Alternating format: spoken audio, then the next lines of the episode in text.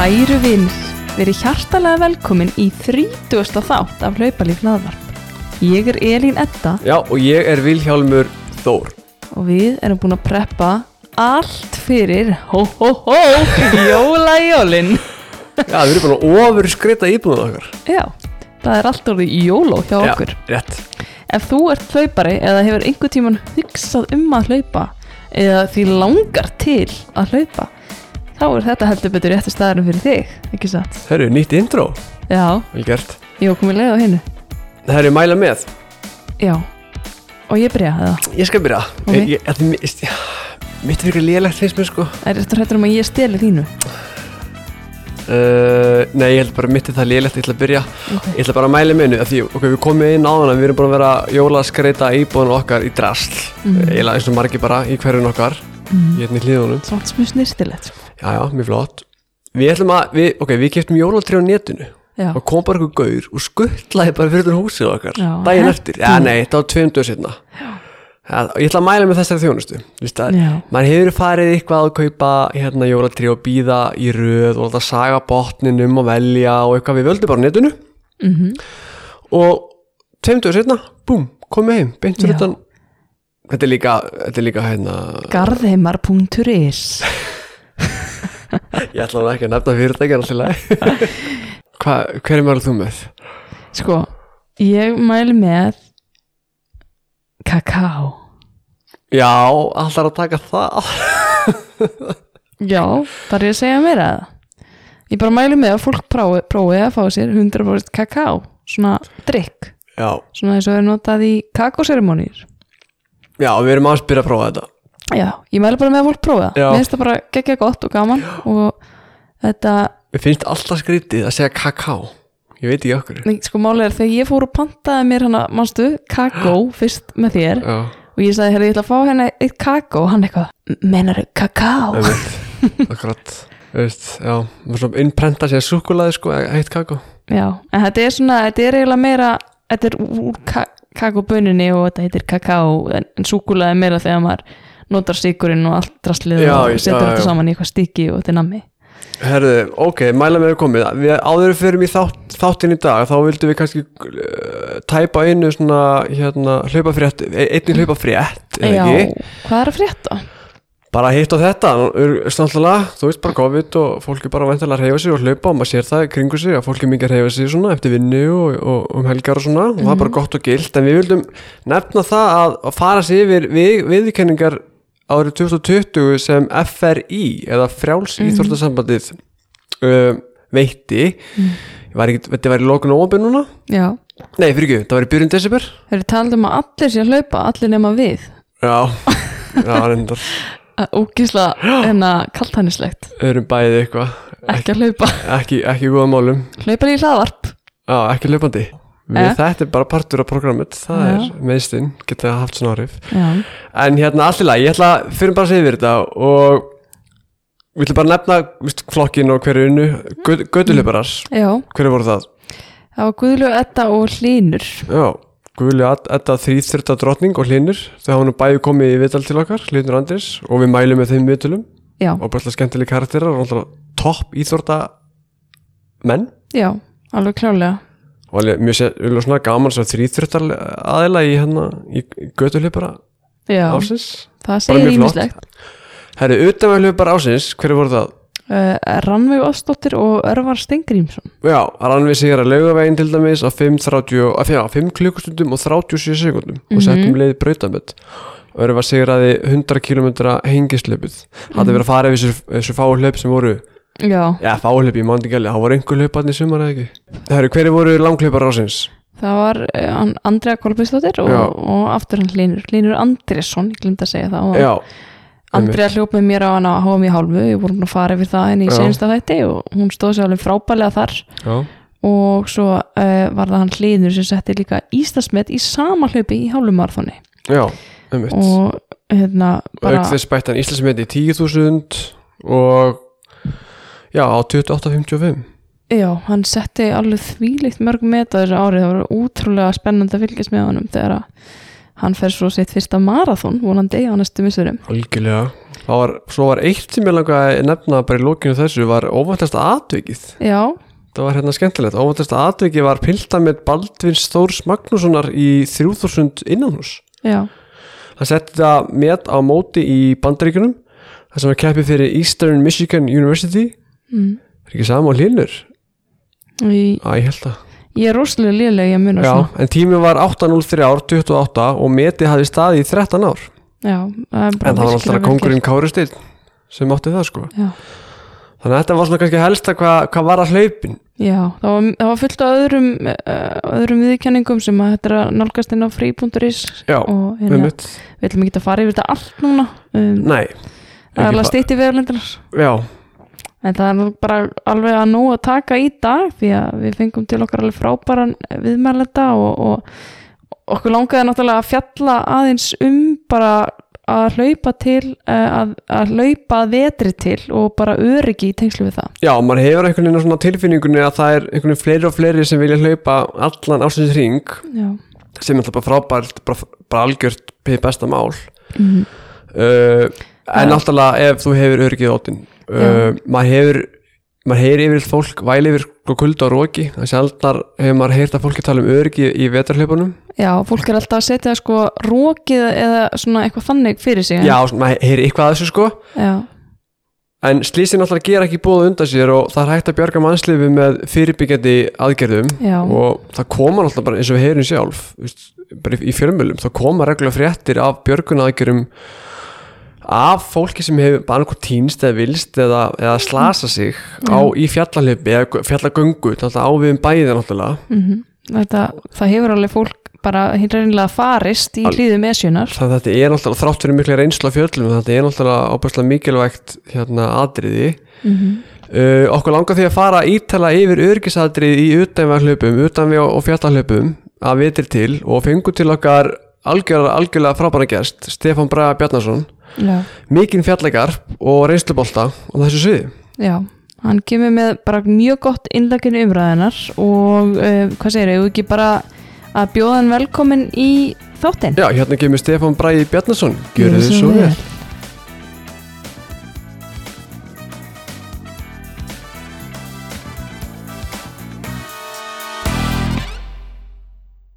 Hvernig hljóðið mér? Það er bara, 1, núna 2, er það 1, fínt 2, sko. 1, 2, ok Þegar mikrofónin lá á borðinu þá var það ekkert Nei, nei, nei, nei, ég veist ekki hvað En sko ástæðan fyrir við fengum þig hérna, Stefán Stefán Bræi Bjarnason að, að, að þú ert komin hérna til okkar og það var að því þú byrtir hana frábæran pistil inn á Facebook síðinu utanvega hlauparar uh, sem var bara, hvenær var þetta? Í oktober eða november sem við Já, sáum var í þetta november síðast Já. 21. november, nákvæmlega. Já, og þessi pistill fjalla, en að vakti náttúrulega bara mikla aðtigli og fjallaði um það svona búnað fólks uh, á fjöllum svona og utanvega hlaupum kannski líka að vetri til, eða ekki? Jú, f- fjallar náttúrulega fyrst og fremst um það vegna þess að einhvern veginn er mikil aukning í utanvega hlaupum og, og við sjáum það bara í skráningum í utanvega hlaup það eru hundruðir manna að skrá sig eins og í hengilin næsta ári Mm. þetta er mjög hratt vaksandi sport Hengillin sem á að vera næsta sumar eða? hengil últra í Já. júni, það eru yfir 700 manns búin að skrá sig í hlaupið. Já, nú þegar. Nú þegar. Og það sjálfstorti fleiri sko, það eru gamla tölur sko. Fólk eru að ekki séð maður er ekki séð annað eins í, þetta er sprenging í þessu sporti. En, eh, en það er bara það, það- er ekki sama að hlaupa sumru og vetri og, mm og þó svo að við búum hérna í Reykjavík að þá, þá er það, vildi ég svona vekja aðtikla á því að, að fjöllin hérna í kring hafa tekið mannslíf á Já. veturna þegar allar veður að von og hálka og, og annað þannig að þetta fólk sem að ég hef verið að mæta að því ég er mjög mikið til dæmis helg, upp á helgafyrði í Hafnafyrði mm. það er bara vanbúið bara það er ekkert orð, neitt annað orð um það, það er bara engan veginn útbúið til að vera á þessum stað við þar aðstæðu sem eru núna um hávetur Nei Hvaða tímabil varst að tala um að fólk væri að taka með sér þennan búnað? Á, á þetta við um allan ásins ring eða bara vetratímabil og hvernig er það skilgrind þá nánar? Eh, í, í kannski, já þessi búnaður sem ég var að telja upp, hann er náttúrulega fyrst og fremst hugsaður sko fyrir vetratímabil vegna þess að þar þar kom inn þessi tvö element sem við þurfum að berjast við, það er fyrst og fremst vindurinn og kuldin mm og það er mjög margt af því sem ég er að telja Myrkrið. upp sem að, sem að hérna, já, myrkrið líka sem að, uh, sem að skiptir máli hvað það varðar, sem við þurfum ekki á sumrin mm. en sumt af þessu sem að ég er þarna að tala upp, það er alveg jafn gott og gilt á sumrin líka vegna þess að slísin gerast ekkit endilega bara á veturna Nei, og það getur komið Og- alveg þvílið vond veður líka á sumrin Já, en það er sem sagt, þú hefur, þetta, þetta, það er tímafaktorin sem skiptir svo miklu máli í þessu. Það er allir með síma og, og ég er ekki að gera ráð fyrir því að fólk ná ekki sambandi á þessum fjöllum sem er í nákvæmlega höfuborgarsvæðisins. mm. En þegar veturinn kemur og, og sérstaklega mikill vindur og kuldi, þá hefur ekki þennan tímafaktor. Það er að segja að þetta gerist svo hratt sem að fólk kælis niður á þessum ástíma, sérstaklega hlauparar sem eru búin að vera að taka á því og eru sveittir Mhm. og eru sérst búin að eru með raka í einsta fatnaði. Mm. þeir kólna einstaklega hratt niður. Já, maður þekkir þetta. og þá fólk hugsi, ég ringi bara björgunarsveitina og hún kemur -hmm. þá getur bara verið að hún koma á sent mm þess að við höfum oft séð. Algjörlega. Já, það eru bara nýleg dæmi um það að, að hérna um alvarleg slís. Og, og, og banaslís raunverulega sem verður vegna viðkomandi ofkælist á mjög stuttnu tíma þrátt fyrir að hann ringi aðstóð og fái aðstóðina um leið og, og hægt var. Mm Þú segir einmitt sko svona rauðið þráðurinn í þessu písli hafðir en á Facebook er raunin það sko að vona það besta en undirbúa sig fyrir það versta. Já, sko, ég vil meina það að, að þegar þú ferð í, í utanvegarhlaup og ferð yfir í þetta sport að þá uh, þá ein, einhvern veginn er það þannig og, og flestir sem að ég hef nú búin að vera nokkur ári í þessu og, og þekki mjög marga af þessum svona lengri utanvegarhlaupurum á Íslandi og það verður einhvern veginn þannig að eftir sem að þú verður áhuga samar um þetta sport þá eru meiri líkur að þú ferir að æfa einn og það er bara þú þarft að koma löngum æfingum inn í, Mhm. í tengslum við fjölskyldu og vinnu og annað og það hendar bara oft ekki að, að hafa æfingafélaga sem er tilbúin að fara með stuttu fyrirvara og í langan tíma þannig að þróunin er svo að lang flestir er að æfa einir og þá er verið að fara langar vegalengdir og það bara gildir þessi regla að, að koma, þú er alltaf að hugsa að geta komið sjálfuð þér í bílinn eða til byggða mm. það, þú verður að hugsa sjálfa þig sem svona hvað er maður að segja, sjálfum þér nógur. Mm þannig að þú getur ekki farið á stað og lent síðan í einhverjum aðstæðum sem að hérna, þú ótti bara alls ekki vona á. Nei, og þið sjáu þetta svolítið sko á utanhlaupara uh, í Facebook hópnum. -hmm. þar er fólk stundum að spyrja hvernig er færið inn í heimörk hvernig er færið á esjuna? Mm. Ég vil miklu frekar að þetta fólk bara búi sig undir að færið sé slæmt Einmitt. og fari á stað með þann útbúnað sem að það þarf til að breyðast við vestu aðstæðum sem það getur verið en, en hérna frábært ef það er bara ennþá betra færi og, og, og þú þarft- ekki að, Einmitt. búnaðinum að halda Já, en svona áður en við förum aðeins nánar út í hennan búna sem að þú rættir, þá kannski væri gaman aðeins að, að kynna þig fyrir hlustendum okkar og okkur. og, og okkur.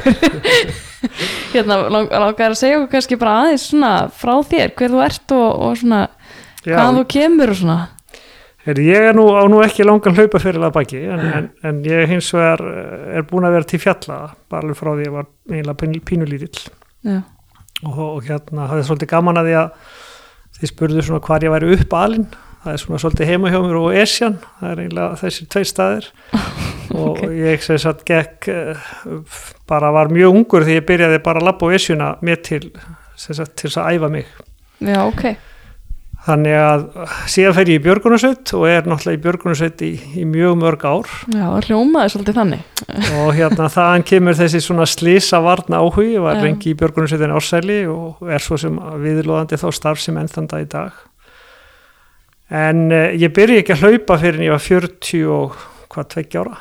Ok, þá svona fer ég að æfa með afreiksóknum hjá Daníeli Smára. Mm og þar var mikið af mjög skemmtilegu fólki sem að, sem að vakti áhuga minn á þessum utanvega hlaupum. Mm. og, uh, og í framvalda því að þá sá ég að þarna væri hægt að tvinna saman þetta sport mitt að vera alltaf til fjalla en fara svona eins hraðar yfir og, og, og nota þetta svona bara sem virkilega góða líkansrækt mm.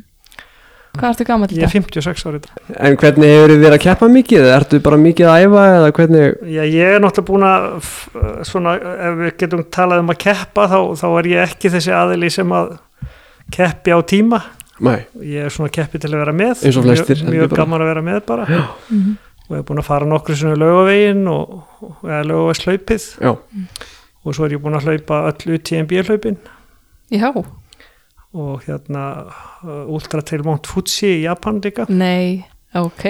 Og svo náttúrulega svona síðast afrikið var að ég fór þarna Tour de Stiants í, í fyrra Hvað er það? það er þarna þetta brjálega slega hlaupi á Ítalju sem Alveg er rétt. 6 dagar hlaup 350 kilometrar já þið voru þrýr eða ekki? Við vorum þrý sem fóru. Íslendingar þar að segja, sko, ekki bara ekki, ekki, þrýr að og- keppa. Við vorum þrý sem fóru og, Já. og, og, hérna við vorum tveir sem að kláruðum. Nei, ok. Og Elisabeth Margers kláraði þetta hlaup fyrir, fyrir tveimur og síðan. Já, ég var að fylgjast með okkur á Facebook sko, Já, á utanleipara sko, grúpunni þá hljóp ég á eftir henni en, en komst bara 220 kilometra Já, ok. Þannig Vá, Já, voru ykkur tímamörka ekki sem þurfti að klára innan next jú, ég tíma? bara mettist í, í því hlaupi. Já, og hérna ég var innan tímamarka. Já, en sem sagt uh, já, ég fer ekkert mjög hratt yfir hlaupunum þess vegna er ég ekki guttur hlaupari. Ég hef aldrei hlaupið marathón á æfinni sko. Nei. hlaupið hálfmarathón og, og ég man alltaf eftir því einu sinni ég fór hérna í hálfmarathón og þá heitti ég Daniel Smára nokkrum s- árum setna og þá spurði hann mig hvað er þú að gera hér? hann hefði enga trúa mér í, í, í hérna þess, þessum uh, götturhlaupum sko. Nei, en þú ert alveg langhundur. Já þannig að ég hef bara verið í þessum löngu, löngu hlaupum og náttúrulega mest erlendis. Já, Mm. en líka í SU Ultra hlaupunum. Mm. fyndi sko að fólk segir mér sko lönguleipunum þá er það kannski hálft eða heilt marathon. Það, það tala ekki um 300 km hlaup á Ítalíu eða einhvers staðar á Fuji eða já, er þetta, það, er, sko. þetta er náttúrulega bara allt annað en, allt annað heiminn alltaf já, já. En, en það er bara veistu maður verður alveg hillaður að þessu. En það ekki? Já, ef þú kemst upp í þá stöðu að ég man alltaf að sagt að með einu sinni sko, ef þú getur hlaupið 10 km þá getur hlaupið 20 já, og ef þú getur hlaupið 20 km þá getur hlaupið endalust Mm. já, ég hef aldrei einn að trúa á þessu en þetta er svo harriðt bara ef að líka minn fær næringu og, og kvild sem hann þarf og, og þann, tíma, þann tíma sem hann þarf þá getur þú bara haldið endalust áfram. Mm já, magnað það er magnað að, hérna, í rauninni prófa það á sjálfum sér og upplifa það mm. náður eitthvað að keppa á þessu skemmtilega COVID-ári náður eitthvað inn einhverjum keppnum í sumar nei, Nei. ekki neitt Nei. við ætluðum að fara til Spánar já, en uh, því var aflýst Já. Hvað var það, en þetta hlaupan í haust uh, hérna, nei það var núna í júli sumar Já, ok. Va- val mann ekki, ar, ar já það er rann hlaup á spáni í júli einmitt. En ertu að æfa með margir. eða ertu bara í hérna nei, ég er sko Einsamall. ég er mest að æfa bara sjálfur Já. og, og bara fer til fjalla í einn, tvo tíma svona þegar áþur að halda og, og svo er náttúrulega bara mjög misjant ég menna ef maður, ef maður er að æfa fyrir langt hlaup að þá tekum maður nokkara mánuða undirbúning mm. og er svona já, byggja sér upp eins, eins mikið um að getur. En ég er mjög mjög eins og í þessu löngu hlaupum þá er, er ég að uh, svona farin að hlaupa stittri vegalengdir en, en taka miklu meira styrtaræfingum Já, mér finnst það bara að gefa í rauninni uh, bara ánægulegra hlaup. Ef maður Einmitt. kemur alveg heill að að koma út úr svona eins og, eins og þessu langa hlaupi og, og það eina sem er aðmanni er að maður er með nokkra ónundar neglur á fótunum. Það er alveg ótrúlegt að já. vera ekki með meir, meira laskaðu sko. Það með eitthvað markmið fyrir næsta ár? Er eitthvað, eitthvað döfin hjá þér þá? Já, við erum nokkri skráðir í 114 km hlaup í hérna úti eh, vantilega Já, Erlendis ef, ef að hægt verður að fara. Já, einmitt. Þannig að það er bara það er í rauðsynlegt í raunin að vera með markmið já, Já. algjörlega sko. Það er, maður verður að hafa og þetta, eins og í þessu tilfelli þá er þetta hlaup sem hún borgar 90 eurur fyrir já, Mm. það er engin annar kostnaður sem að að fellur á því fyrir en þú ætlar raunverulega að, að, að skráði og fara að bóka flug og, og gisting og annars lít Já. einmitt. En þetta er ekki mikið tap ef það verður ekki á því Nei. en þannig er líka sko þetta eh, sem sagt, félagskapurinn í þessu Mm. er algjörlega einstakur og til dæmis stemmingin sem að myndast út í Chamonix í UTMB hlaupunum, Já. það er bara það er ekkert sem að er líkt þessu Nei, ekki trúa því það er magnað alltaf, þú veist, það kom allir þarna með sama markmið, það er allir alveg uppumpaðir af, af spenningi, það er allir búin að vera að æfa í marga, marga mánuði og svo samanist þetta allt á sama stað og það er bara, já, þetta er bara ólýsanlegt hvað það er gaman að taka þátt í svo leið, sko. Þetta er á drauma markmiða skránu okkar vila Já, við höfum komið annað, sko, það var alveg tveir mánur í hlaupi, sko, bara sem Já. ferðamenn, sko. Já, já, já, já, en að fara þessi hlaup Ótrúlega er alveg- fallegur staður, sko. maður verður að gera þetta einhvern tímann sko. Já, al, alveg hygglust og nú er líka orðið miklu meira úrval sko, nú er búið stið, það er komið OCC hlaup sem er 50 kilometrar mm Alveg rétt, já. og svo, svo sé, eða ekki? CCC og TDS Já. svo UTMB Já. Og PTL, það hefur engin Íslendingur farið í það ennþá Er það orðið þá stærsta hlupið? Þannig ég er að leita einhverjum til að fara með mér ef einhver heyrir þetta Nei, Elín, vil ekki smetla bara með honum? það, er svo, það er svona annað 300 og eitthvað kilometrar hlaup þannig að Já. tekum marga daga já, Já.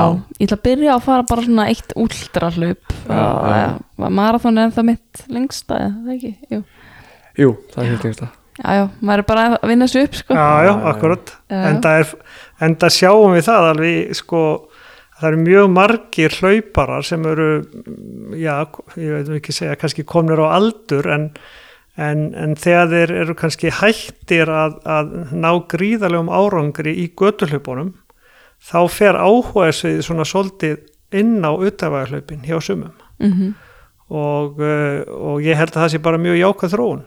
Já. þetta hægir á þér og þetta fer betur með þig að vera að hlaupa utanvegar en á Malbyggi algjörlega. Þannig að, að svona þið sjáu það, ég er hann 56 ára gamall og get ekki hætt þessu. Nei, þú er bara rétt að byrja. Þannig að það er þið í langan fyrir höndum mm Var eitthvað sérstætt sem að hvattið til að skrifa þennan pistil eða var eitthvað atbyrður eða var þetta bara svona að minna landan á að því að það eru svo margir komnir í þessi hlaup núna? Já sko, ég er unni, þetta var svona búið að vera aðeins að brjótast í mér að, að hérna mér finnst þetta að vera óheillavænleg þróun. Já, og svo gerðist það bara að ég fór á helgafellið og, og var hérna uh, sent á ferð, ég hleyp oft mjög sent á kvöldin. Mm. og þá er sjaldnast nokkur þarna frá Mm. en í þetta skiptið að þá uh, mætti ég fimm manns. Og í, við erum að tala um tíum kold, kolniða myrkri, mjög kvast og, og örlítið snjókoma.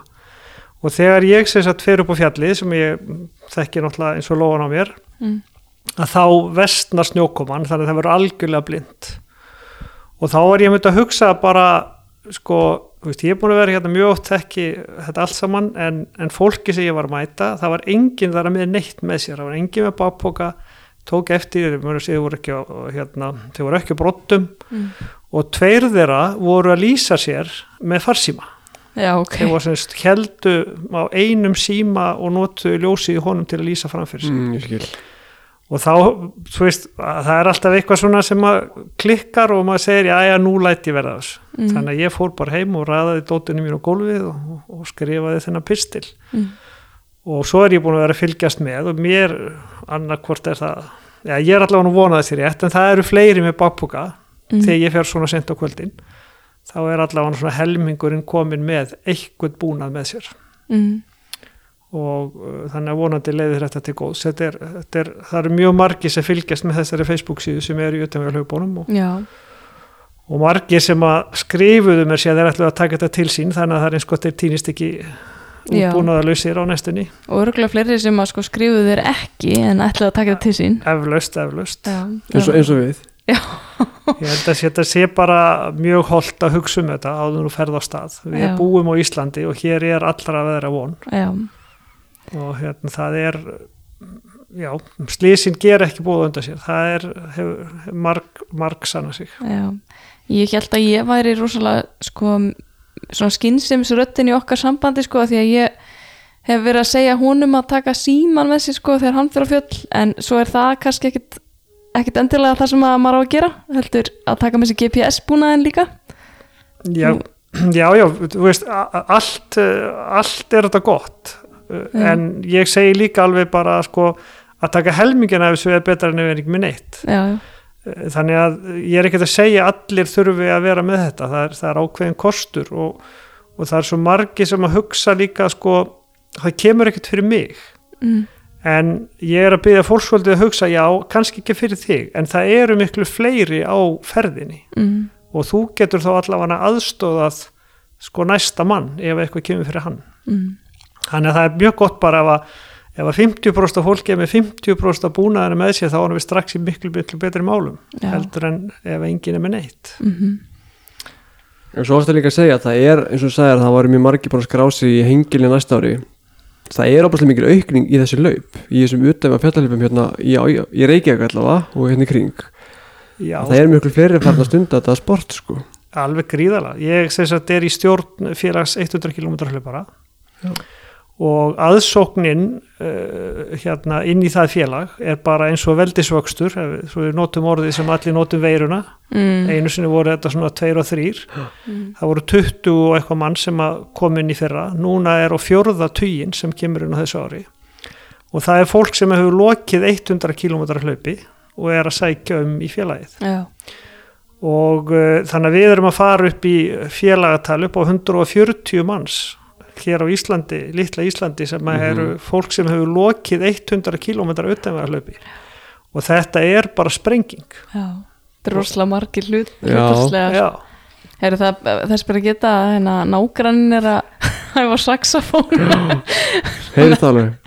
en það, það ver, ég mun ekki klippa það burt sko, það verður ekki hægt þannig að þetta er bara undirspil bara svona já. jóla tónleika æfingar einhverjar en það er bara gaman að því en, En- þú skiptir þessu aðeins upp í svona þú skiptir þessu upp í svona flokka. Og Já. ég held að sé kannski gott að við myndum fara svolítið svona skipulega Já, yfir það. Við vorum Mhm. aðeins byrjað að ræða hana ratbúnaðin um, þú myndir segja sagt að, að símanir einir og sér á esjuna til dæmis að vetri til myndi ekki duga til Jú, sko, þetta kannski snýst ekki um að, duga til. Þetta er, uh, það er bara þannig og kannski, uh, kannski ekki auðvelt að uh, hérna, lýsa því en, en símin er sem sagt það tæki sem að þú ert mikið með í ferðalæginu. Þú ert að hlusta á tónlist. Ef eitthvað kemur upp þá sér maður að fólk kvikir á batteríunum og þú notar síman alveg gríðilega mikið en það sem ég er að benda á er það að þegar kemur að því að þú þarfst að ringja að því þú þarfst raunverulega að nota síman þá er kallt úti Mm. uh, það getur verið batterið komið kannski nýr 20, 30, 40% þú heldur sitt safe iPhone gamli símin hann virkar ekki í frosti nema með yfir 50% hlæðslu en Mm. hann bara einfallega dreipar á sér þannig að þó hans í lægi í vasanum hjá þér og, og þú ert að hlusta á músík og allt í fína þegar þú tekur hann upp og þarft raunverulega að nota síman hvort sem er til að taka áttaði á áttum eða ringja þá bara er tækið ekki lengur í virt. Mm. hins vegar þú ert með GPS-tæki þá ert yfirleitt ekkert með það í gangi. Þú ert bara með slögt á honum. Já. og þetta er allt orðið korta GPS-tæki í dag þannig að e, í gamla daga þá voru menn alltaf að trakka leiðina sem þið fóru til þess að geta rata tilbaka. Núna í rauninni bara tekur þú tækið upp og kveikir á því þegar þú þart á því að halda þess vegna er alltaf batteri á því Mm. og þá færðu kortið upp og uh, það sem ég segi svolítið í greinin er það að sko, þú verður að hafa eitthvað tæki sem þú trúir og tristir Mhm. Það- áttavitin til dæmis gamli Mm. það tristu allir áttavitanum hann virkar ekki fyrir ramagni Mm. þannig að ef að örin síndi þér einhver ákveðna stefnu þá gast alltaf vita að þú fóst alltaf í þá stefnu Mm. Í dag þá er aðal vandamáli það að fólk tristir ekki því sem það, það er upplýsingun sem síminn segir þér eitthvað Mm. en svo bara lappar á stað og segir nei þetta stendst ekki sko. Mm. það er eitthvað djöfisvillis í þessum síma Já, maður myndi halda það. Já, þú, að að þú verður svo rugglaður þú Já. týnir áttum og, og teka fram þarna þú, þér sýnist árenna í vitlisar átti sem er mjög algengt, þú Já. sér á og þú horfir í hver áttir er rennur hún og að því að þú dóna viltu þá rennur á einn vils átt og þú bara samfæri sjálfa um já hún er renni hér áttina Mm. tekur þessuna ranga stefnu Mm. og á Íslandi sko þá, þá takið þið kannski eftir þess að vindur blæs úr öllum áttum Mhm. Einmitt. séð þú dóna viltur þá, þá magnast þessi tilfinning og hann, hann blæs allstaða frá þannig að fara undan vindi eða móti vindi eins og þú heldur þessi rétt svo fer það vantrista sjálfum þér að því að þú hefur ekki trú á upplýsingunum. Mm. og það er bara tvent sem að þú trúir. Það er kort, landakort í GPS-tæki og gamli áttavitin já, það er, þetta er ekki þungtæki og það er ekkert mál að hafa þetta í babbúkanum. Mm þetta er bara ef eitthvað kemur upp þá notar þetta. Mhm. en maður þarf náttúrulega að kunna áðustu það ekki maður, það kannski þarf ekki mikið að Já, kunna á þarf- áttavita en maður þarf að vita í hvað átt maður á að fara þá allavega. Já sko áttavitin segir þér bara að þú sért að fara í sömu átt. Það Já. dugir oftast. Já, það dugir oftast að vita bara að þú sért að halda áfram í sömu átt en sért ekki að lappa í ring mm, eða einhverja tóma vittlisu mm, þannig að, að, það, það er strax skárað og haldir þó sömu áttinni heldur en, heldur en uh, já, að ringi gerir bara eitthvað sem að enginn býst við að þú gerir vegna þess að þegar Björgunarsveit fer að leita þá gerur hún ráð fyrir að þú hafa tekið einhverja skynsanlegar ákvarðanir. Mm, og eftir því sem að minni skynsem er þá er minni líkur þú finnist. Þú talar um Elín hérna, þú vildi nefna að það var námskið já, ég sá hana fjallarleysum en já, voru með eitthvað, eru með námskeið í janúar næstkomandi um, um svona hvernig maður á að- nota snjalltækin til þess að, að hjálpa sér að rata. Já, það er bara mjög gott og þetta er ekki? netinu svo ég. Já, þetta er bara ódýrt námskeið og þetta ekki fjalla leiðsjóðmenn.is það er ekki rétt? Jú, þú f- finnur þetta þar, þar, já, einmitt. að þetta þessu er líka í öttinvega Facebook-hópnum. Já, þetta er það líka. þar, já, já, Já. sá ok, þetta þar sko. Við bara vek- vekjum aðdekla þessu. Það er verið að vísa fólki á og þetta er bara mjög gott. Mm einmitt, já, svo svo eru náttúrulega mörg af þessum svona hágæða úrum sem eru með eh, kort innbyggð og eitthvað svoleiðis eins og garminúrin og svona e, já, er, er það eitthvað sem geti hjálpa manni í svona aðstæðum? sko uh, prófaðu það bara ekkert mann Ég hef prófað og prófaðu ég að, setja trackback á úrið þitt Já, og bættu svo við úrhellisrigningu eða Já. frosti og, og snjókomu og skafreiningi vegna þess að þú þarft að horfa fram fyrir þig já, ef þú ert komin í vond veður og það er útilokað, ég ætla bara að fullir það þó að Rikki Garmin verði brjálaður að þá er bara útilokað að, að, að hérna, komast út úr vandraðum á Mm. með úrið mhm. það dýr ekki til mér finnst bara svo gott að, heyra þetta pínu lítill skjár og svo þarf það að setja alla Já. þessu óvissu þætti inn allt sem að gerir aðstæðunar, ég meina ef þú ert í borg mm, frábæra aðstæður þá getur notað þetta til að komast aftur heim á hóteli eða heimtíðin eða hvernig sem er. Mm, en upp til fjalla í þessum aðstæðum sem ég er að lýsa sem að eitthvað kemur fyrir þá því miður þá bara virkar þetta ekki. Ég var hana í eh, bestu mögulu aðstæðum sem hægt er að ímynda sér í skóginum hana á Akureyri, hvað heitir hann aftur? kjarnaskói kjarnaskóur, ég var, var þar með úrið mitt að skoka og ég viltist og ég er ekki mjög ratvís. Og ég var að reyna að nota úrið mitt mitt rándýra hágæða garmin úr til þess að vísa mér leiðina aftur tilbaka og mér, mér tókst það ekki. Þannig að maður þarf allavega ef maður ætlar að nota þetta þá þarf maður að, að læra á þetta áður en maður fer í aðstæðunar en sem betur fer þá þá fór þetta allt vel og ég mátti alveg við auka hálftíma í þessum túr en, en alltaf var bara hásumar og bara sól úti sko þannig að kannski aðeins öðruvísi. En það er náttúrulega líka akkur þessi mjög góði punktur sko, það er alveg sama hvað þú raftækið þú ferðir eða áttavita sko, ef þú ætlar bara að taka þetta upp þegar þú ætlendur í vandræðum þá Mhm. myndi ekki hjálpa þig neitt. Þú verður fyrst og fremst að nota þetta þegar allt er í góðu. Mm, og þá kanntu að nota þetta þegar eitthvað kemur upp. Já, það var, þetta er bara mjög góða punktur. Er eitthvað sem við viljum bæta við þetta er ekki bara allt komið þarna ég var kannski bara spyrja svona hvort þú mæli með eitthvað sérstakku GPS tæki Já. Eh, eitthvað svona sem er svona budget friendly Já sko, í rauninni held ég að það uh, skipta engum eigin máli. Það er nóg að vera bara með ódýrt tæki ef að það er kortagrunnur í því. Það er Mhm. kannski líkil atriði, en þess að enn og aftur þú þart að fá tæki sem þú tristir. Það eru náttúrulega komin þessi nýju tæki sem eru með neyðarnappinum á sem að hérna sem að þú getur fengið áskrift af og, og, og, og þá sínaðu staðsetningu en það eru mjög dýrtæki svona meða við mörg önnur ódýr sem hægt er að fá. Mm, og ég er ekkert endilega að mælast til þess að fólk sé með eitthvað flottasta flott en það þarf að vera bara tæki sem að er með kortagrunni af því að því þú trúir myndinni. Mm og myndin sýnir þér raunverulega hvert þú ert að stefna. Já, þegar þú lappar á stað þá sérðu hvort þú ert að fara ég vil þess átt eða rétt. Akkurat, sem Já. skiptir náttúrulega öll, öllum máli í þessum öðrum aðstæðum. Já, Ef við förum kannski, það var einn kapli sem hétt svona aðtikli hjá þér sem var það sko hérna, þú lendur ykkur vandraðum og þú vil vekja aðtikli á þér.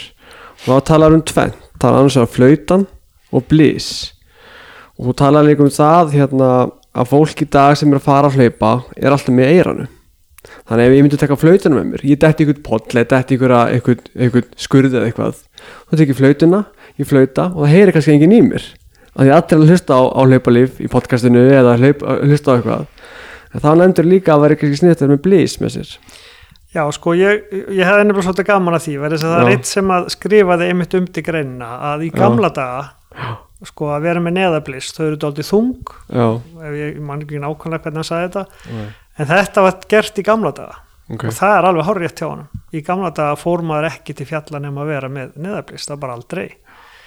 Og uh, ég hætti þessu lengi vel, þá var ég bara með flautuna og maður er alltaf með, sérst, það er mjög margi bakpókar sem eru, hlaupapókar sem eru með flautu já, bara Fólk þarf innbyggja náttúrulega- flautur inn innbyggða flautu í axlarólinni og Já. fólk náttúrulega þarf bara að vita að hún er þar Mhm. margir sem eiga svona póka hafa ekki hugmyndum að það er flauta á honum Nei. en síðan er það bara þetta atriði og fylgist þið bara sjálf með þessu ef þið farið til fjalla, það eru allir með headphone á hausnum. Það eru allir með eitthvað í eironum og þeir eru að hlusta á dynjandi músík eða sög eða eitthvað. Mm. þannig að flautan hún skilar ekki sama árangri lengur. Og þess vegna er ljós eða neðablis það er bara, ég er alltaf farin að vera með þetta núna og það er bara engungu þessar ástæð já, þá nærðu aðtiklinni og, og fengir aðstóð frá þeim sem eru á ferðinni eða, eða hérna svona fyrstu aðstóð Mhm. En svona blís, hvar kaupir maður slíkt? Heyrðu, ég tekkaði einmitt á því að því að ég vísaði á Viking í Hafnafyrði Já, já, þeir eru reyndar, eru ekki vinn út á COVID en þeir selja svona neðablis og, og þau kosta litlar 16-1700 krónur þannig að þetta er nú ekki stór fjárfesting er þetta þungt? er þetta, veistu það nokkuð? Mm, ég er nú ekki með eitt í grömmum en, en, en þetta eru sem sagt uh, mjög örugbliss, þetta er Já. fósforbliss sem að í rauninni kviknar á við snertingu við súrefni já, og þau eru, með þrygg, þau eru stimplu með þryggja ára líftíma. Já, en þau enda, sko ég skýt svona upp á áramótunum kannski 10 ára gömlum, þetta er alveg algjörlega 100% vara sem endist miklu lengur. Já, Þannig að eiga eitt svona, eitt, tvö svona blís og taka þau með þegar þú ert að fara í myrkri eða, eða einhverjum visjáverðum aðstæðum, mér finnst þetta ekki vera spurning. Mhm. Og þú ert hvað sem er sko að vetri til, þá skipta sekundurnar ekki lengur máli. Þú ert ekki að keppa um tíma eða hvort þú verður 55 minútur eða 57 minútur, þannig að eitt neðablis, þó það sé smá þyngd í því, þá er bara öryggistátturinn miklu, miklu sterkari. mhm En neyðablísið, ef maður myndi skjóta því, hvað væri ljósið lengi? ekki, þetta er bara handblis. Já, ok, þetta er bara svona, og hvað er það lengi sem það er? Það logar, eh, ég ætla að loga ekki, svona þrjár, fjórar mínútur með gríðarlega sterkum loga, hann sest langt að margra, margra kílómetrar fjarlægð og það sem kannski er annað sem að, hérna, ég hef nú sjálfur reynd, en þurfti nú ekki að nota neðablísið, það er að við erum með tvö nýleg tilfelli þar sem að einhver hefur dottið hann í gjótu Já, og þetta eru reikblis um leið og ljósblis. mm.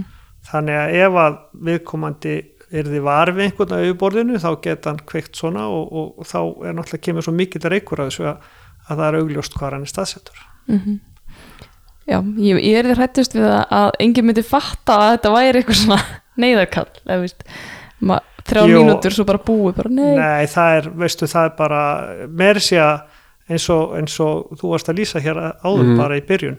Ljós á fjöllum, það er ringt inn lögregla, það er bara, ef fólk sér ljós á fjöllum á kvöldi, Mm. sérstaklega ef það hegðar sér eitthvað undarlega, Mm. þá er hringt inn er alveg pottit einhver hringir um 112, hvað þá ef hann sér svona rosalega stert neðablis Mm.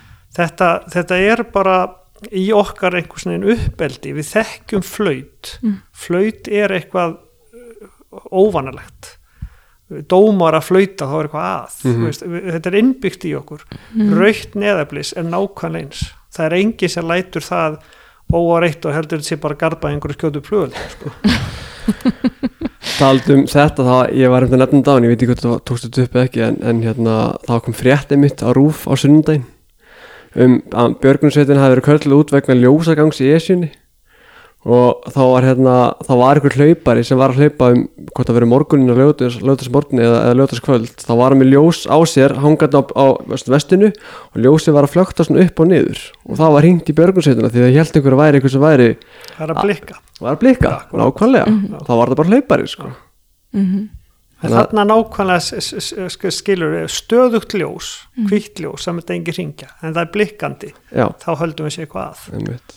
Þetta er pínup innbyggt í okkur þetta er eitthvað sem við virðist ekki þurfa að kenna okkur en, en við skinnjum það að blikk, blikkandi hvítljós það er eitthvað sem að bera að veita meiri aðtekli Mhm. Þegar þú varst að keppi sem erlendum utan við hlaupum, þetta er vantilega bara skilda þar að Já. vera með svona þetta er sko, listin sem ég setti þarna inn er byggður fyrst og fremst á grunn útbúnaði eins Já. og í þessum mörgum þessum erlendu hlaupum Já, einmitt Eh, síðan náttúrulega bæti ég svolítið við bara út af þessum sérstöku íslensku aðstæðum Já. aðstæðunar hér eru ef við getum sagt sem svo bara margfald, margfald hættulegri að vetri til. Mhm.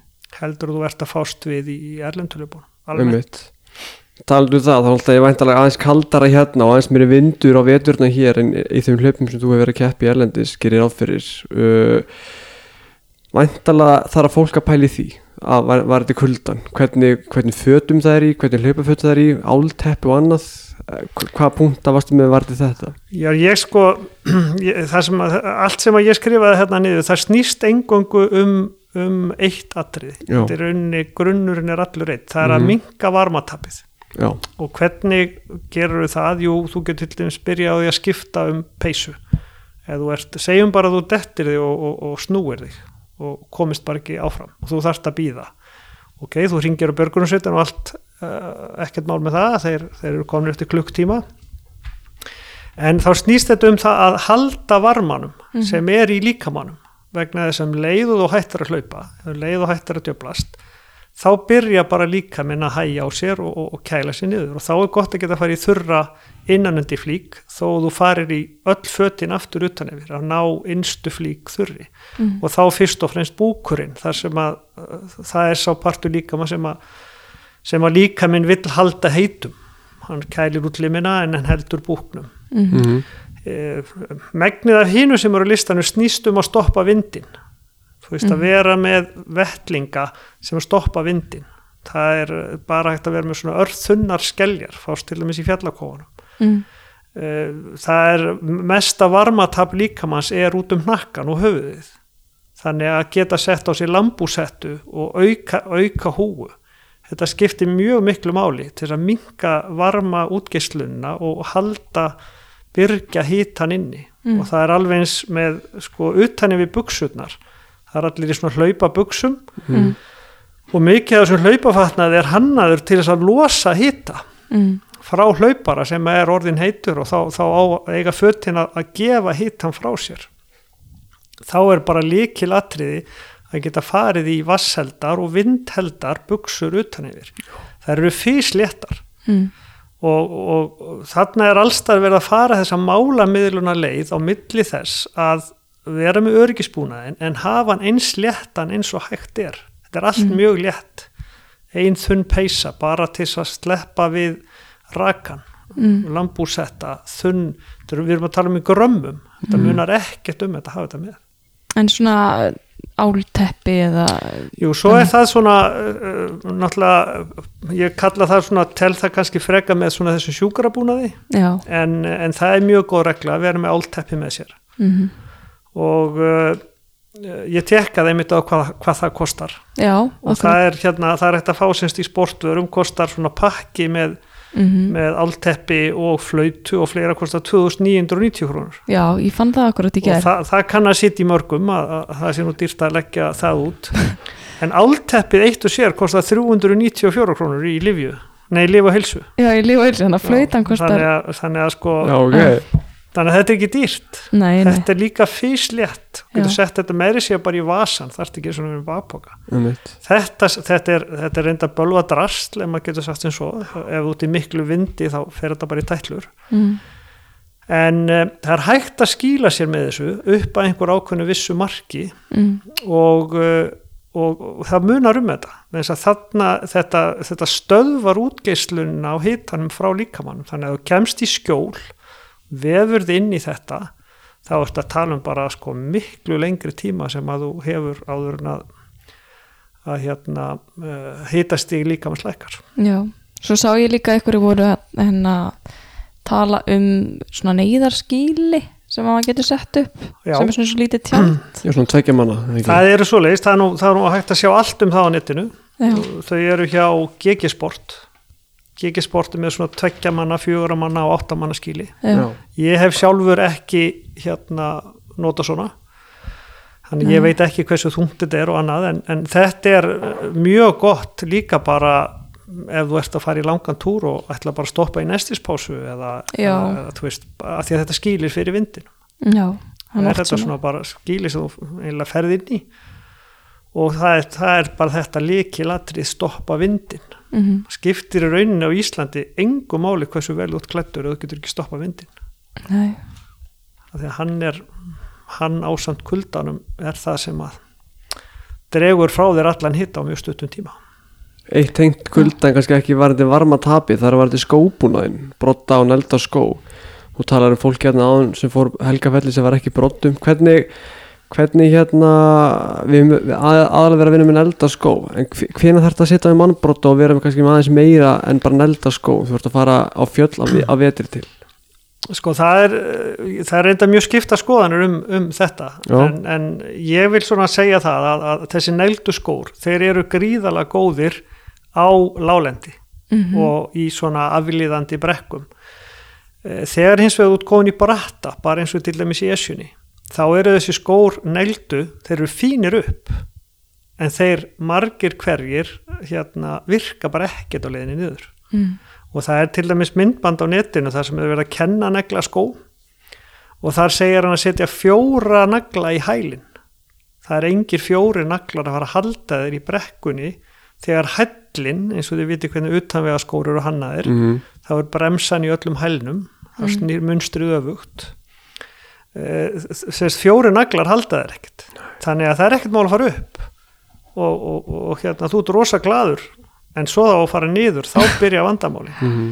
og það er þetta sem greinir fyrst og fremst á milli mannborata annars vegar og hérna nagla hins vegar. Ok.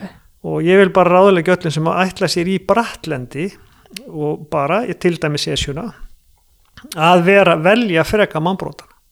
Þannig að þeir eru jafngóður upp og niður ég myndi sér að þetta væri svona aðalatrið en, en margir eru í virkilega hvað við segja, vel neldum skóm og, og, og sjálfsagt eru þeir ekkert endilega sammála þessu. Þess að Nei, þeir, þeir eru bara búin að negla skóna þína það vel að þetta, þetta þeir virkir. gripi bæði upp og niður. Já, en þú veist þetta er akkurat það sama, maður er ekkert að fara okkur um svakalum hraða í þessum vetrarfærum og, og mannbrotanir eru bara öryggisatrið og það er rosalega þægilegt að, og örugt að vera með þá og ég, það er bara, þeir eru líka orðin gríðalega algengir, Já, bara upp í helgafelli þegar eru aðstæður þannig þá er, það, ég myndi að segja 80% af fólki sem er þar er komið í mannbrota. Þess að, maður sér það bara þess að appisynugul og rönd sem, er, sem eru mjög góði brotar. Mm, appisynugula gúmitegjan sem er í kring, þetta Mm. er ekki svona uh, hérna, koskóbrotar sem Nei. maður heldur eru þetta bara alvöru mannbrotar. Mm, og það er einmitt að segja frá því að í þessu hlaupi þarna í Tour de Stians að þá er, er mannbróta skilda að því að þú ert að fara upp í 3300 metra hæð Já, ok. í miklum bratta og 3100 metra það er hæstu fjallaskorðin. Og þeir segja bara einfallega að það, það er ekkert sem að virkar nema mannbrótar ef að myndast ísing þá er engin naglar og ek- ekki neitt sem að það er bara að þú verður að vera með mannbróta með spikes eða sem sagt með nagla eða svona Nei, með, með hérna gattana. Já, um mitt og Já. það er ákveði margir undir helnum og ákveði margir undir, undir uh, hérna fram, framflyttinu Já, þess ber náttúrulega geta að það eru til marga tegundir af mannbrotum Já, og það eru til mjög léttir mannbrotar mm, en á móti er það þannig að, að ef þú til dæmis kaupir þér léttustu gerðina og ferð svo segjum á Helgafell sem er mjög mikið raun veist, þá er þið bara ónýttir eftir nokkra ferðir. Mm, en þessir brotar sem ég sé eru algengastir, ég veit reyndar ekki hvar þeir fást. Eh, þeir endast er alveg hlaupi og grjóti og hvað sem er í margar, margar ferðir Mhm. án þess að þeir sé að slitna og eðilikjast þannig að þeir raunni margar ára eign að kaupa sér góða mannbrota. Mm.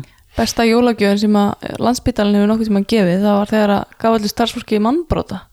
Það var svona það eina eigulega sem ég hef fengið frá þessu, þessari stofnun. En sko, ok, við erum líka eins að hugsa um ljósin. Um, þarf maður að vera með alltaf, alltaf með ljós? Ef maður er að hugsa um maður er að fara á esjuna eða eitthvað og, og það er bara dagur ætti maður samt að taka með sér ljós? Nei, ég vil nú kannski ekki endilega segja það sko. Nei, það, það fer, ég meina í, í þessum uh, ef við tölum um helgafellið annars vegar og, og, esjuna hins vegar þá er þetta bara klukkutíma ferðir. Mm Þetta er, esjan er kannski svona einn og hálfur tími fyrir, fyrir þá sem er að hlaupa. Mhm. kannski tveir tímar, helgafellið er svona, milli, ja, svona uppundi klukkutími einn og hálfur í mestalagi og þú veist alveg uh, hérna að það er mjög ólíklegt að eitthvað komi fyrir því á þeim tíma að þú lendir fram í myrkri mm en ef, ef þú ert að fara upp í ljósaskiptunum þá sjálfsögur hefur verið með því ljós. -hmm. og í til og meins öllum þessum erlendu hlaupum þá ert ekki með eitt ljós. Þú ert alltaf með tvö ljós. Mm. og það er til þess að ef annar ljósi bilar þá notar það hitt, ef þú þarft að skipta um batteri í hinu þá þarftu ljós á meðan. Já, þannig að það er alltaf tvö Já, ljós. já, þá ertu með eitt alvöru ljós Já. eins og svona til og með eins og petsin sem er mjög gott ljós. Og svo ertu bara með annað pínu lítið með þér. Já En á maður að vera með bæða framan og aftan? Ég sko enn og aftur að þa- þa- þarna fer eftir hvar allar að vera að hlaupa. Það er til dæmis uh, mikil umræðan það að vera með enduskismerki mm. þú hefur ekkert með enduskin að gera upp í esju. Nei, það er ekki bílar bíl þar sko. En um leið og þú ætlar að hlaupa af esjunni og hlaupa einhver staðar í nágrunnu eins og götuna inn með þá mm.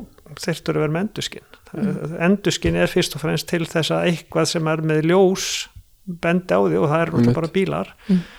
Eh, við þurfum í utanvega hlaupunum, ég hugsa aldrei um það ég hugsa aldrei um enduskin en ég sé að hlaupa bara á göttum mm um en ég er alltaf með ljós með mér ef að það er einhverja líkur á að, að hérna, ég lendi fram í myrkri. Já. Við vorum, fyrir kannski næsta lið, við, við vorum aðeins búin að tæpa á hérna sjúkrabúinu áðan þegar fórum yfir áltæpin uh, Þú nefndir einhver, einhver atriði í pislunni þar, var eitthvað skipt að fara yfir kannski hvað það hel- helsta sjúkrabúinu að þú myndir vilja að fólk væri með sér í, í pókasunum, í hlupapókunum Já, en nú aftur komum við að þessu atriði með utanvega hlaupara, þeir vilja ekki bera neitt. Nei, þannig að, að listin sem ég setti fram snýst engungum að taka það með sem að aðstóðar þig að koma sjálfum þér eða að hjálpa sjálfum þér.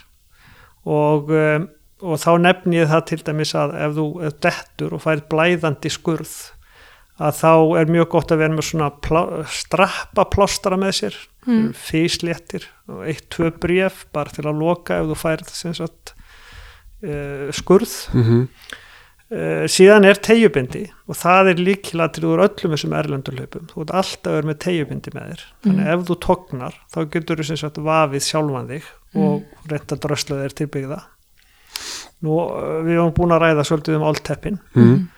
og síðan er náttúrulega bara mjög gott atriði það er að taka með sér eitthvað skona verkjartöflur Mm. vegna þess að verkurinn er oft líka minn getur alveg komist áfram ef þú kemst yfir verkin það er að segja bara ef sársökin er, er farin Mhm. þá getur þú dröslað sjálfum þetta til byggða Já, og þess vegna er ég að tala um þessi fjögur atrið það Já. er að vera með til að loka skurðum það er verkatöflur tegjubindi og, og, og þessi álteppi og þetta er algjör lámarksbúnað finnst að mín álti ég er alltaf með sjúkura kassa eða tösku sem Já. er með miklu meiru í sko. Þú sagði aðeins sko að, að hlaupara vilja hafa þetta sem léttast vilja ekki hafa póka með sér eða eitthvað mikið í pókanum en svo ertu að færa í keppnislaup eins og þú ert að tala um, þá er þessi skilda að vera með þetta. Algjörlega. En þá er kannski fínt að vera búin að æfa sér að hlaupa með þessi tæki áður en fyrir, fyrir laupin og þá kannski veist ekki hvernig þú átt að bera það. Að ef þú ert að stefna þangað að það þá sko. áttu alltaf að hlaupa með að það er enginn sem að, sem að fer í 100 km hlaup og allt í einu setur bakpók og baki á sér því að líkams beitíkin hjá þeir eru öðruvísi. Þegar þú ert búin að setja nokkura kíló af bakpóka á baki og þú getur bara já, hvað er maður að segja, fengið í axlirnar eða, eða nuttsár eða alls konar uh, óþægindi af því að hafa aldrei verið með bakpóka þannig Já. að það er alveg tímanlust og ætti að vera svona löng hlaup þar sem er krafist þeir örgisbúnaðar þá æfurum með bakpóka mm. þú talar um eh, krafist í, í, í, í sem löngu hlaupum en, en eins og löguvegurinn, stýttir það er líka eitthvað krafa þar eða ekki að vera Nei. með það er ekki, nei. Það er, það- í laugavegurinn er náttúrulega 55 km hlaup. Já, það er engi búnaður. En maður sér oft fólk með póka þar sko já, já, það er bara alveg eins. Já, þú sér þá sem ætla sér að græða mínúturnar. Já, ég þeir eru ekki já, með neitt. Já, og svo sér þá sem ætla sér bara að komast alla leið án þess að fórna ég sé mig alveg í anda henda öllu að mér svona rétt á henni fyrir stað. Það er svona, já, já, ég hef alveg gert það í svona, ég hef ekki farið í svona hlaup þannig að en í svona stittri lungum hlaupum en það er mjög algengt til dæmis þú sjá fólk með mittispelti Já, í einmitt. lögavislöpunu Já, já. og það er, þá er fólk með eitthvað Gelin og og- gelinn og, og annað með sér sko. Já, en ég það er held að sé nú ekki margir í lögavislöpunu sem eru raunverulega með bakpoka. Nei, Nei. og það er engin skildubúnaður nei. Það er sko, mann finnst kannski ólíklegt að því, ég tók eftir að það var hana, voru hana snikkars á myndinni líka, já. hana lítla líkur að fólk deyur hungra ára það deyur okkur öðru eða ekki, Já sko Snickers er, er uh, töfra súkulaði. já það myndi drepa Villa, hann er með netóna Já ok, það, þá er það ekki gott hana. Það Nei, ég, ég tek massið bara sko En sko, en Snickers er nefnilega samsett úr þremur orkugjöfum. mm, Það er samsett úr netum og toffi og súkulaði. já, Ef þú sigur og fita og prótein þá færðu strax orku úr súkulaðinu, svo kemur orkan úr toffíinu og síðast kemur orkan úr netunum. mm, en þú veist þannig að því að líka minn í rauninni brennir þessu upp um leið og hann fær þetta. Og til dæmis eitthvað sem þú myndir aldrei taka með þér er þrúusikur mm, ef þú ætlar að hafa með þrúusikur þá er það að hafa örglega nót til svo komist alla leið í bílinn eða heim. Þess að ef hann klárast áður en þú kemst alla leið mm, þá er ekkert eftir. Já, þetta er svona instant orka. Já, algjörlega instant orka, hún er fín á meðan hún endist en þú Mm. verður þá að hafa nót til að komast alla leið. En þarf maður virkilega að vera að taka með sér svona orku í svona þú veist, er, er það einhvern tímann að fara að vera alvöru vandamál? Ekki í þessum stuttu hlaupum ef við erum að tala um helgafell og esjuna alls ekki sko. Nei, það, það, er bara, það, það er rauninni ekki þörf á því. Eh, ég, ég meina við erum að gera ráð fyrir því að fólk sé komið út af svæðinu hvort sem er á, er á börum eða hlaupandi eftir kannski þrjá fjóra tíma þannig að öllu eðlu ástandi ættur ekki þurfa á því að halda. Nei, en er alltaf gott að taka með sér eitt og súkulæðstikki og Já, ég meina kannski það, veist, þetta, er, þetta er alltaf þessi spurning bara sko uh, viltu hafa þetta- þessi örgisatrið með? Mhm. þessi listi er ekkert heilagur, alls ekki. Bara ítreka það. Þetta er svona ekstrími listin. Ef þú Mhm. vilt vera undibúin yfir flest sem getur komið fyrir þá ertu með þetta með þér. Mhm. svo bara velur fólk það sem að hérna hendar fyrir sig Mhm. og fyrir vegalengdina og, og aðstæðunar um eitt, akkurat. Ætti ykkur að taka sér að kaupa svona grunnbúnað og setja saman í svona pakka og selja? Já, það er sniðut Já, Þú- ég, ég held að þetta sé bara eitthvað sem að fór svona, sko, mest af þessum búnað eins og til dæmis bara tek sem bakpókan minn. Ég pakkaði þessi bakpókan á haustinn og tekið þetta upp á vorin. Ég, Mm. þú veist, þetta er bara, ég gríp alltaf pókaðum ára Já, mínir. þetta er bara í honum Þetta er bara í honum. Já, Mm. Og svo einmitt. bara næsti vettur sem kemur þá pakka ég þessi eftir. Það er sko algjör undantekninga að ég þarf að nota eitthvað af þessu. mm já, Hefur- já, þetta er ekkert mál Hefur ykkur mælt bókaðin í hvað hann Já, er? hann er einhver starf uh, eitthvað rétt um fjögur kíló, millir þrjú og fjögur kíló. Þessi póki sem að er með hérna með öllum þessum búnaði á myndinni. Þú varst að keppi sem utanverðlöfum Er hann svipaður? Er hann léttari þá eða Já, hann er þingstur í, í stóra en, en lé- léttur í, í, hérna, í uh, UTMB hlaupunum. Já, Það ertu í, í rauninni í UTMB hlaupunum ertu bara með hlaupavesti. Já, já, já. Og þar er já. sko mesta og, það er nú eitt, eitt af þessu sem skiptir líka máli í þessu sko, hér á Íslandi í vetraferðum þá berum við yfirleitt ekki vökva með okkur. Nei. það er mjög fáir sem ég veit sem að er að bera vökva. En til dæmis eins og í tór þá ferðu aldrei út úr stöðunum að bera 2 lítra af vökva. Mm. þú ferð ekki að fara út öðruvísi. Það er annað vandamál sem kemur það er upp að það er hitti og erfileika þannig að, að sko þingdin hér í þessum póka er minni heldur en þingdin í, í hlaupin úti en það munar um, um vökvan já. það er annað sniðut sem að ef maður er að hugsa um batteri og svona hluti. Ég kifti því ég fór ykkur mann í eitthvað ferðalag svona vastjætta póka sem að maður getur loka svona smelt. Já, það er náttúrulega mjög sniðut ef maður er með eitthvað sem maður má ekki verða fyrir vökva eins og að það er kannski- peysan. Já, peysan, það er til sko stórir svona pókar og, og peysan og, og blísið og batteríinn og allt það en það er bara svona að nefna það var, kostaði einhver, einhver hundra kalla á Alibaba eða eitthvað þannig að það er vel hægt að finna þannig. En svo er annað sko nú erum við eiginlega búin að fara yfir svona helstu atriðin sem að þú varst að nefna hana í, í Pistlinum. Hérna, pistlinum. Mm en það eru svona önnur atrið sem okkur langaði svona aðeins að fara að koma inn á. Og uh, þú vilt kannski ekkert að fólk aðtugi með veðrið áður en það fer út. Þá bara búið svo undir að versta eða, ég, það ger ég, ég, ég spái aldrei í veðrið. Nei, sko Veð, veðrið er alltaf hana og, og, og sko, þú ert bara að vera klár í það sem að þú mætir. já, Það er bara mitt motto. En eh, hins vegar ef fólk vill skoða veðrið þá getur það farið inn á belging. Belgingur er mjög góður í því að spila fyrir því veðrið. já, það já, ok en, en hérna það er bara sjaldnast eins og það kemur fyrir. já, Þannig að til hvers? já, Jú, jú, eða er gul viðvörun, ég er ekki að segja, maður kannski já ekki að hlaupa á þá stað hættir maður bara við kannski er gul viðvörun. er því pókaðinn, hann reddaði bara gegnum já. En, en þetta snýst bara allt um skinnsemi. Þú, þú ferð upp í ESU og ég er nýbúin að lesa hérna bara á uh, einum fjallarhlaupara sem að fer, fer upp í ESU og, og svo bara þegar hann er komin, já, rúmlega hálfa leið, þá tekur hann þá bara ákvörðun. Núna er ekki skinsamlegt að halda lengra mm. og snýr við. Vegna Er- veðurs? Já, vegna veðurs. Bara í kolniða myrkri og snjókomu, augljóslega með myndirnar. Mm. Þetta er bara líkil atrið. já, Þú veist, ekkert endilega vera að hugsa um veðrið. Fariði út, farið á stað, veriði vel útbúin Mhm. og snúiði svo bara við ef aðstæður eru þannig að ykkur líst ekki á þér. Vest, það getur vestna svolítið hratt veðrið hérna sko, maður veit ekki Já, en alveg. þetta er, þetta er sko, þú veist, það, aftur þarna, ertu tilbúin í það? Ertu hrætt við veðrið af því þú ert illa útbúin? mm, eða ertu bara klári í það sem að versta, eins og ég segi? Það ertu undirbúin fyrir það versta? Það þarf ekki að hafa miklu mm. gröðs En svona snjóflóða hætta og svona. Maður snjóflóðahættu það? getur náttúrulega alltaf skoðað inn á veður það er sagt veður.is Mm. ofan, ofan flóð heitir flipin mm, þar er sagt gefnur út va- viðvaranir um snjóflóð. Mm, það er ekkert mörg fjöll hér í nágrenninu sem að uh, mynda mikla snjóflóðættu ekki þessi algengustu og enn og aftur kannski við myndust á með steinin upp í Jesu mm, það ætti bara að vera góð regla hjá öllu fólki að fara ekki upp fyrir stein á veturna. Mm, að því að fyrir ofan stein er stór hættulegt svæði. Og þeir sem að ákveða að setja steinin þannig er algjör í snillingar en þess að þeir setja hann akkurat þar sem að þú átt að stoppa að vetri til.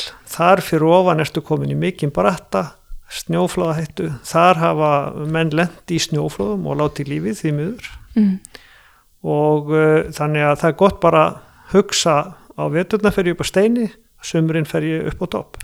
Þú nefndir hérna fjöll hérna við höfbrukarsvæði sem var ekki endilega mikið snjóflóða hætta en það er eitt fjall sem ég byrja að fara sjálfur í vor og sumar, það er móskarsnjúkar já, það er snjóflóða þetta. Já, og, og í henglinum líka. Já, það er ekki langt frá bænum og ég fór í fyrsta skiptið hérna, ég held bara fyrsta mæ og það var nánast, maður tók miða til að komast upp sko, það var svo mikið af fólki. Það var, ro, það var, það var frídagurindar og það var COVID og allir voru úti eitthvað. Það var rosalegu pakki af fólki þannig sko.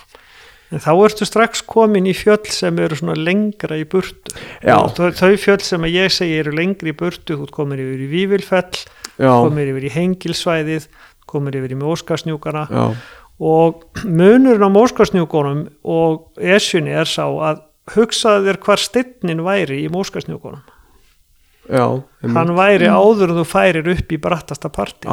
Sko. Þannig ef allir á veturna færu bara þangað Já. þá væri miklu minni hætta á því að einhver lendi í, í snjóflóðahættu. Einmitt. en því að það er fyrst og fremst þegar þú ferð ofar og í, í, í meira hættusvæði sem að, sem að hérna, sem er hætta á þú þarfst að hafa ágjör að þessu en hins Já. vegar að þessu sögðu að þá er náttúrulega er nýbúið að vera banaslis í Moskasnjúkum sem er mjög neðalega og er í gili sem er bara stuttu eftir og lappar á stað á gunguliðinni þannig að þessi hætta er allstaða fyrir hendi.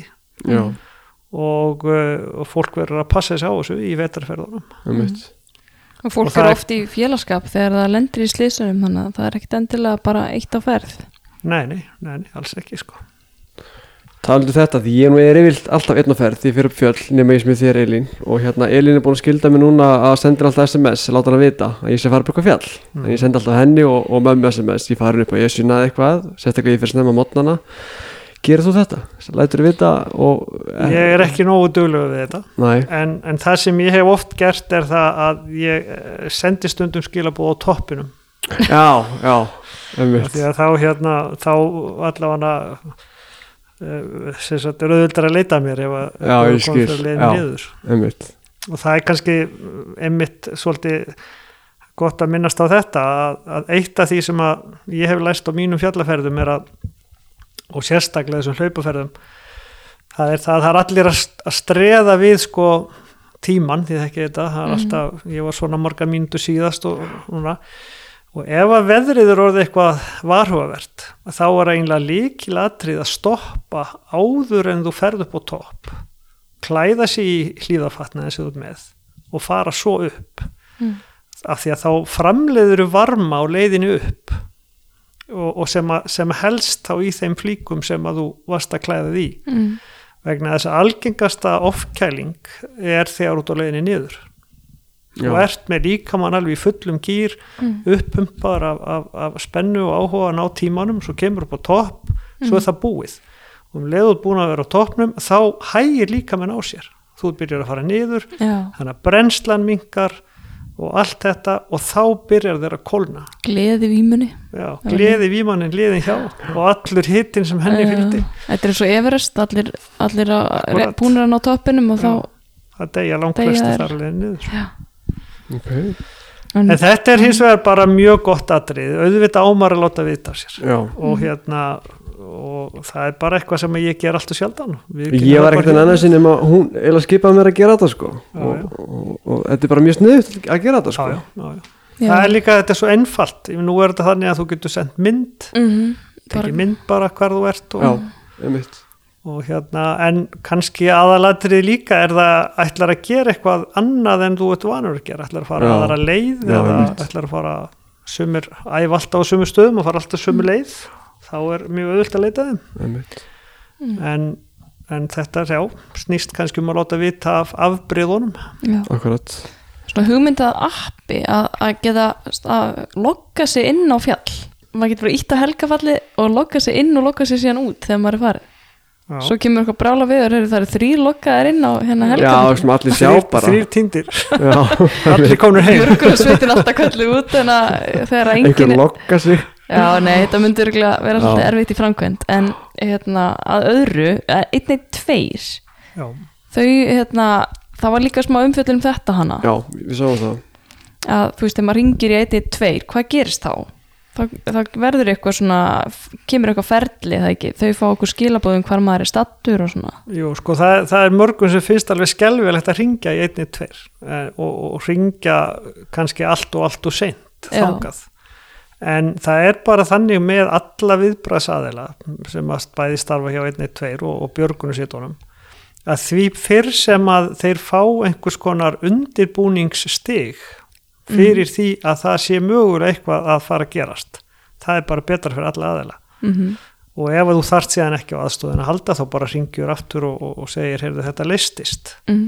þetta er svona svipa má kannski líka þessu við því þegar að hérna, þegar eitthvað gerist með flugvél sem er að koma til Keflavíkur þá er eh, fyrst kallað sko út í viðbraðstig það Já. þýðir það að menn eiga að koma sér sagt, að svona undirbúa það að fara í bækistöð ég man nú ekki nákvæmlega hvernig þetta er en, en það er allir meðvitaður um að það er kannski eitthvað að fara að gerast, það er kannski að koma útkall Já, og þess vegna er um að gera bara ef það er eitthvað aðstæður Mm. sem að þér líst ekki á og, heldur að gætu endað illa að það er að láta vita Mm. og vera síðan bara aftur í sambandi kannski uh, er of sent að ringja þegar að mm. þegar, hvað maður segja, slísið er gerst eða þú dórnir kolviltur eða Mm. Þetta er mjög góða punktur það, er bara, það áengin að vera feimin við að nota einni, tveir, þetta er bara þjónusta Mhm. og, og þú lætur bara vita að, að þú ert ekki beinlinis að byggja um aðstóð en þið lítist Mhm. ekki nógu vel á aðstæður Þarna ertu farin að búast við í versta sko en uh, Já, hún er það besta akkurat sko. En er eitthvað meira sem við viljum ræða hérna í dag eða eitthvað sem að þú myndi vilja bæta við eða? Nei, ég sjálfum sér ekkert sérstætt ég held að við séum búin að fara nokkuð vel yfir þetta. Búin að tæma listan ég bara, fólk má bara vita það. Ég er að telja bakbóka upp í helgafelli þannig að þau ætla á helgafelli þá eins gott þau mæti með bakbóka Já, við viljum tökum þetta til okkar. Já, klálega sko.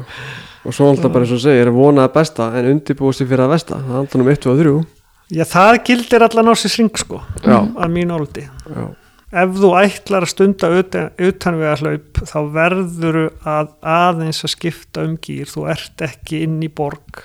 Mhm. þú ert komin út í náttúruna og hún er óútreiknanleg. Þannig að- sérstaklega á Íslandi.